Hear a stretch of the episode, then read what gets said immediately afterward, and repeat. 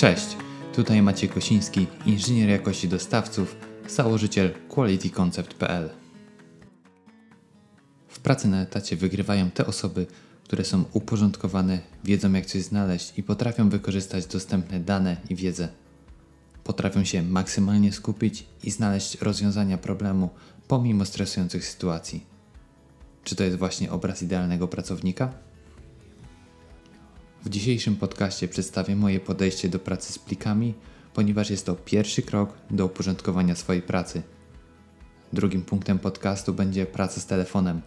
Opowiem o tym, jak to narzędzie sprytnie wykorzystać, aby nie przeszkadzało, a było czynnikiem zwiększającym Waszą efektywność. Zapraszam. Praca z plikami. Punkt bardzo szeroki, gdyż ilość czynności, która kryje się pod tą nazwą, jest praktycznie nieskończona. Wyobraźcie sobie, że pracujecie w firmie już kilka lat i przeszliście przez kilkanaście, mam nadzieję, ciekawych projektów. Pytanie pierwsze. Możecie mi przedstawić w ciągu 5 minut listę 10 ostatnich projektów? Pytanie drugie. Co osiągnęliście jako zespół realizując każdy przytaczany projekt? Pytanie trzecie. Co poprawiliście względem poprzedniego projektu? Na pierwszy rzut oka łatwe pytania, ale wierz mi, większość osób pracuje jak automat i nie zastanawiają się nad tym. Mam nadzieję jednak, że Ty potrafisz na nie odpowiedzieć w dość szybkim czasie, gdyż tak najczęściej oczekuje tego kierownictwo. I super, jesteś do przodu.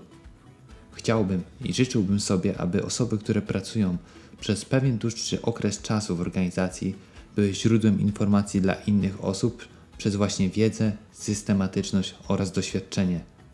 Dzięki temu wasz przełożony będzie wiedział, że jesteście bardzo ważną częścią zespołu i może znajdzie się okazja dla was, aby dzięki właśnie powyższym cechom poprowadzić w końcu projekt działowy? Praca z plikami jest bardzo ważną umiejętnością. A co ja przez to rozumiem? Otóż wyobraźmy sobie, że zaczynam pracę.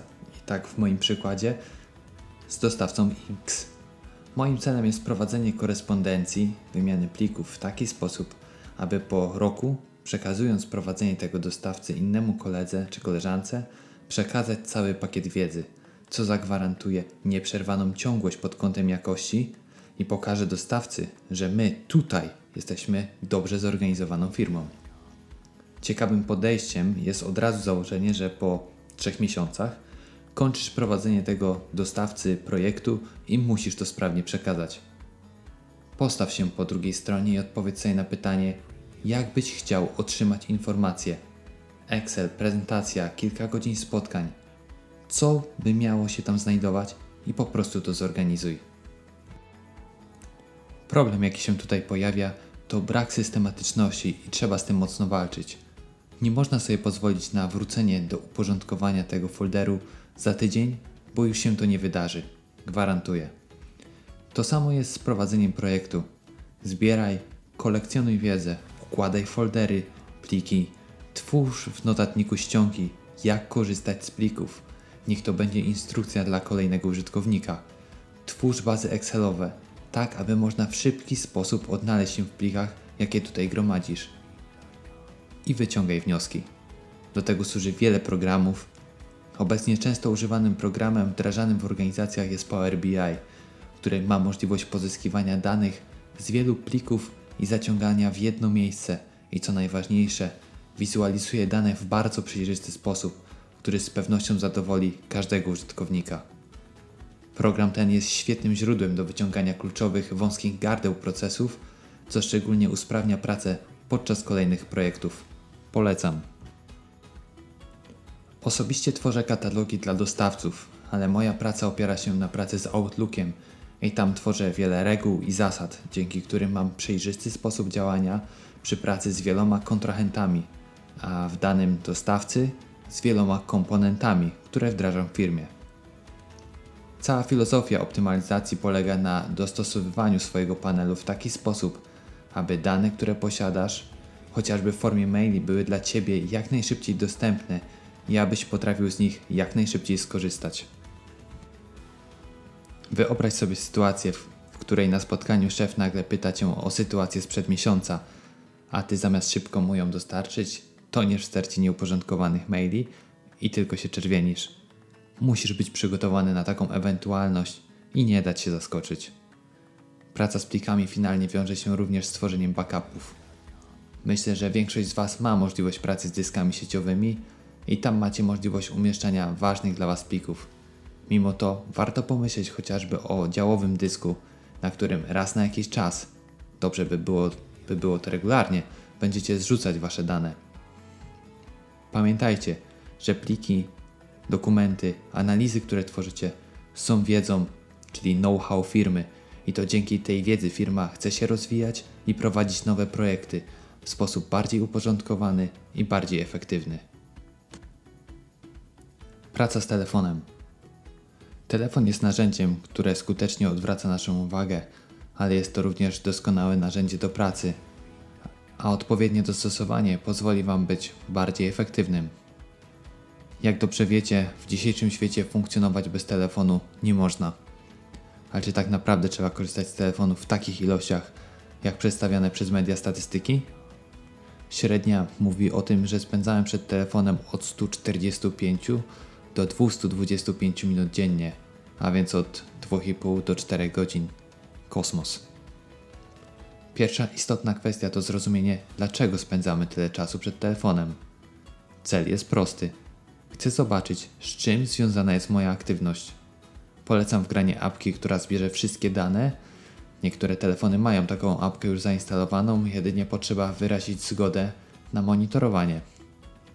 Po tygodniu zerknijcie na wyniki i po prostu się nad nimi zastanówcie. Oczywiście siedzieć na Instagramie trzeba, bo to XXI wiek.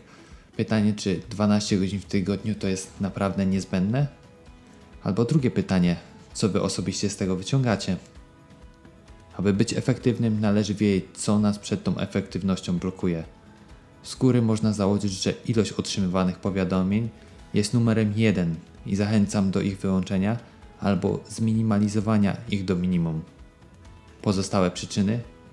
Pomnóżcie ilość godzin w skali miesiąca i zapytajcie siebie, co z tym czasem innego moglibyście zrobić, gdyby nie oglądanie Instagrama, Facebooka itd. Przechodząc do produktywności. Telefon ma służyć Tobie w miejscach, gdzie użycie komputera nie jest wygodne, czyli w podróżach czy między spotkaniami.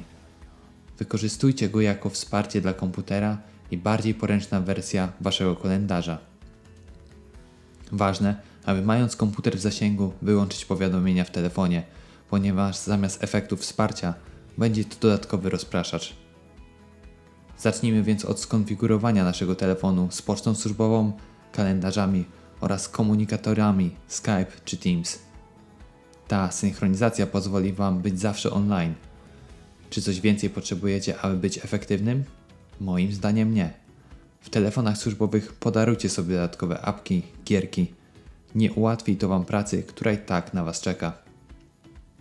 Osobiście telefon wykorzystuję często do rozmów z współpracownikami po to, aby komunikat, który chcę im przekazać, był na pewno doskonale przez nich zrozumiany, bez niepotrzebnej korespondencji mailowej. Pamiętacie podcast o zasadzie 5 minut? To jest właśnie ten moment. W 5 minutach rozmowy przekażę swojemu koledze wszystkie niezbędne dane, które potrzebuje. Jeżeli będą pytania, od razu to omówimy i zamkniemy temat. To jest efektywna praca z telefonem.